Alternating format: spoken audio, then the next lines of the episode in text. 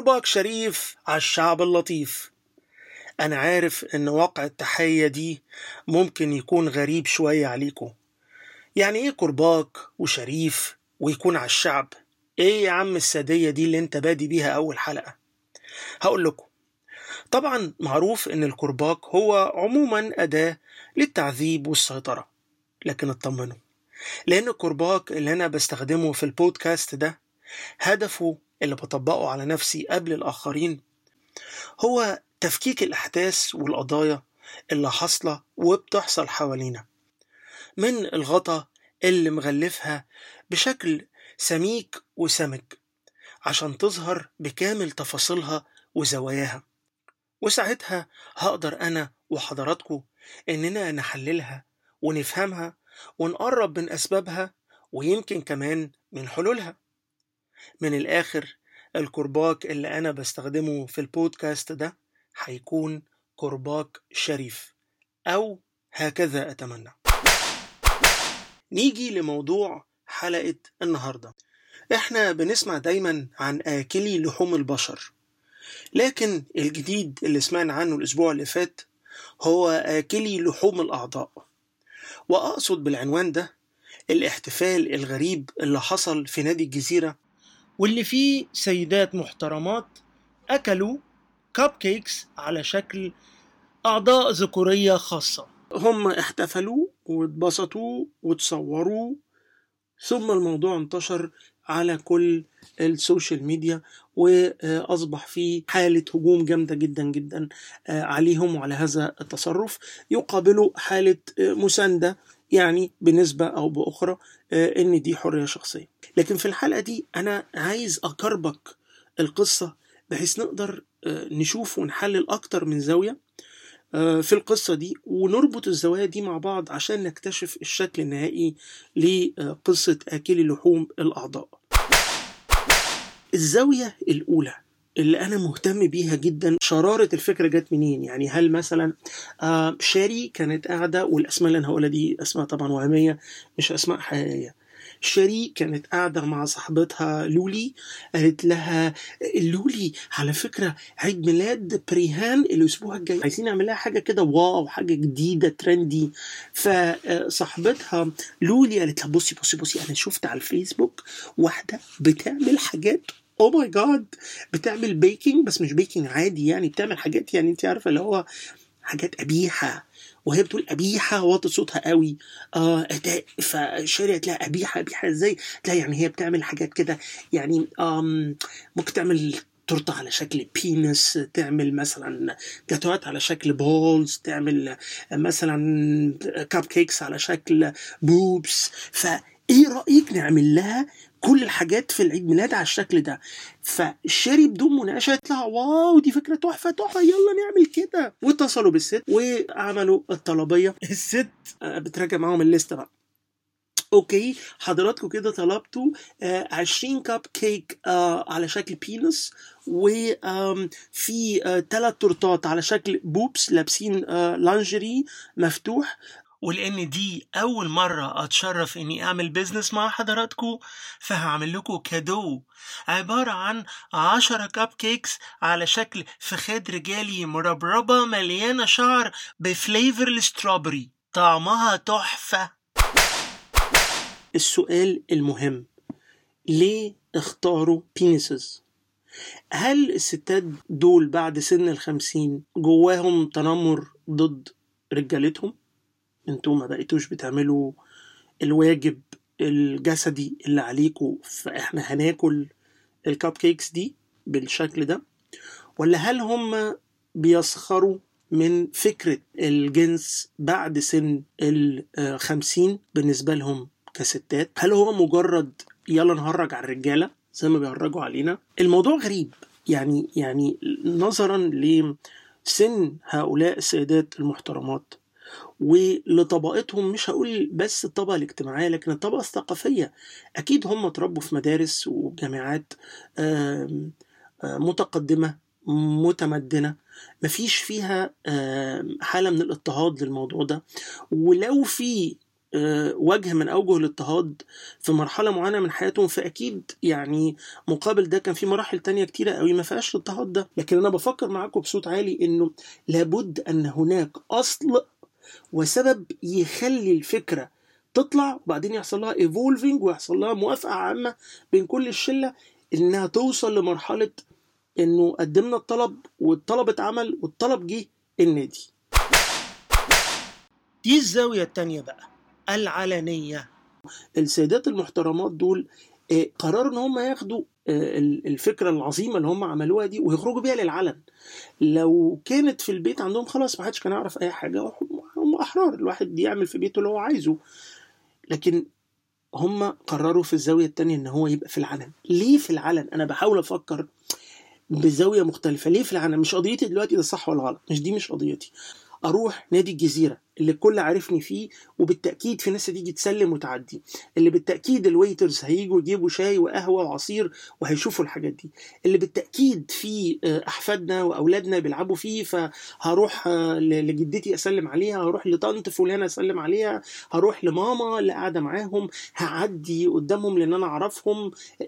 يعني أنا في مكان كل الناس عارفاني وقابل إلى أن يتم التواصل معايا في أي لحظة.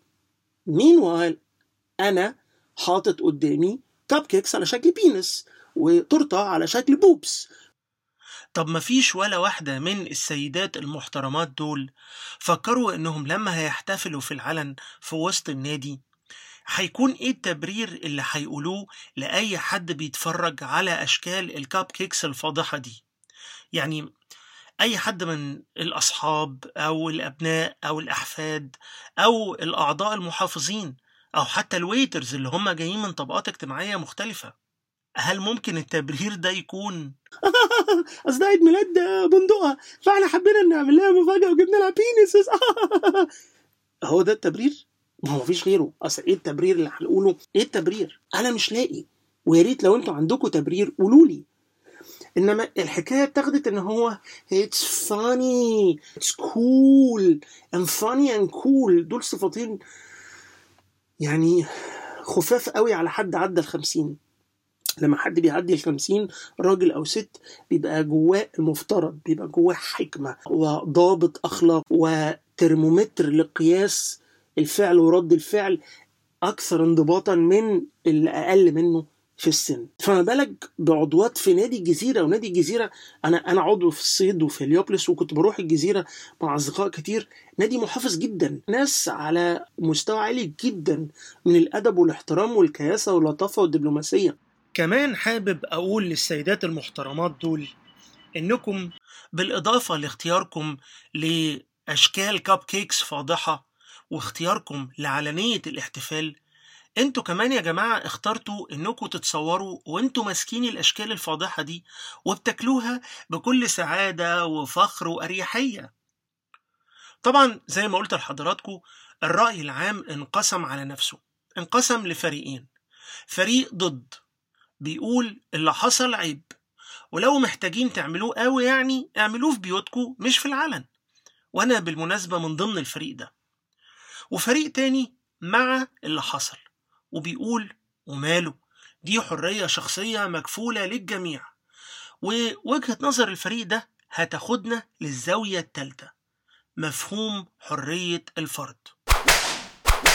كل واحد فينا حر لكن في مبادئ عامة يا جماعة بتنظم الحرية دي خطر جدا إن إحنا نتلاعب بمبدأ الحرية. وبعدين أنا مش بقول الكلام ده من عندي يعني يعني إحنا النهارده أهم مبدأ الدنيا كلها عارفاه. آه، أنت حر آه، ما لم تضر. والمبدأ ده اللي ما يعرفش ده كتبه أو صاغه يعني الفيلسوف الإنجليزي آه، جون ستيوارت. ده اتولد في سنة 1806 ومات سنة 1873 وصاغ المبدأ ده في كتابه عن الحرية اللي كتبه سنة 1859 ومبدأ الضرر أو مبدأ أنت حر ما لم تضر هو مبدأ قانوني. بينص على إيه بقى؟ على أن حرية الفرد لا يجب أن تمنع إلا إذا سببت هذه الحرية أذية لفرد آخر. جون ستيوارت قال إيه تاني عن المبدأ ده؟ الغرض الوحيد الذي من أجله يمكن ممارسة السلطة بشكل صحيح على أي فرد من أفراد المجتمع المتحضر رغما عنه هو منع إلحاق الأذى بالآخرين. يعني حضرتك أو حضرتك لو استخدمتوا حريتكم بشكل أقر القانون العام للمجتمع إنه بيأذي الآخرين يبقى يجب أن يتم توقيفكم ومنعكم فورا وإلا الموضوع هيبقى سبهللة وكل واحد يعمل اللي يخطر بباله من باب الحرية.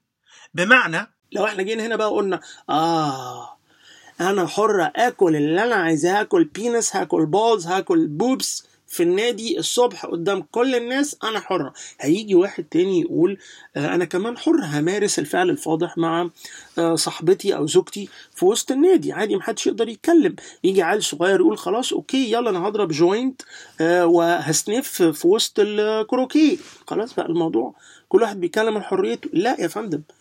النص القانوني اللي هو معمول بيه من القرن ال 17 والقرن ال 18 أنت حر ما لم تضر. اعمل حبيبي اللي أنت عايزه أو اعملي حبيبتي اللي أنت عايزاه في مكان أو بطريقة ما تضرش الآخرين. في النهاية أتمنى أن السيدات الفاضلات اللي ارتكبوا هذا الفعل الطفولي الطائش يدركوا أن هم غلطوا وبسبب غلطهم ده تحولوا إلى قدوة سيئة جدا. وكمان أنا بتمنى إن هم يطلعوا بيان يعتذروا فيه عن هذا الغلط لناديهم وللرأي العام. وأنا متأكد إنهم لو عملوا كده هيتحولوا لقدوة حميدة محترمة. لأن يا جماعة كلنا معرضين إننا نخطئ. محدش فينا ملاك لكن الواجب علينا إننا لو أخطأنا نعترف بالخطأ ونعتذر عنه لأن هو ده اللي بيخلينا بني آدمين متحضرين متقدمين. ده كان كرباك النهاردة وأتمنى تكون وجهة نظري في تحليل هذا الكرباك وصلت لحضراتكم. طبعا وجهة نظري اللي شرحتها لحضراتكم وجهة نظر قابلة للنقاش. ممكن بعضها يبقى صحيح ممكن بعضها يبقى خطأ. المهم في الموضوع إن يبقى في وجهة نظر ويبقى في نقاش.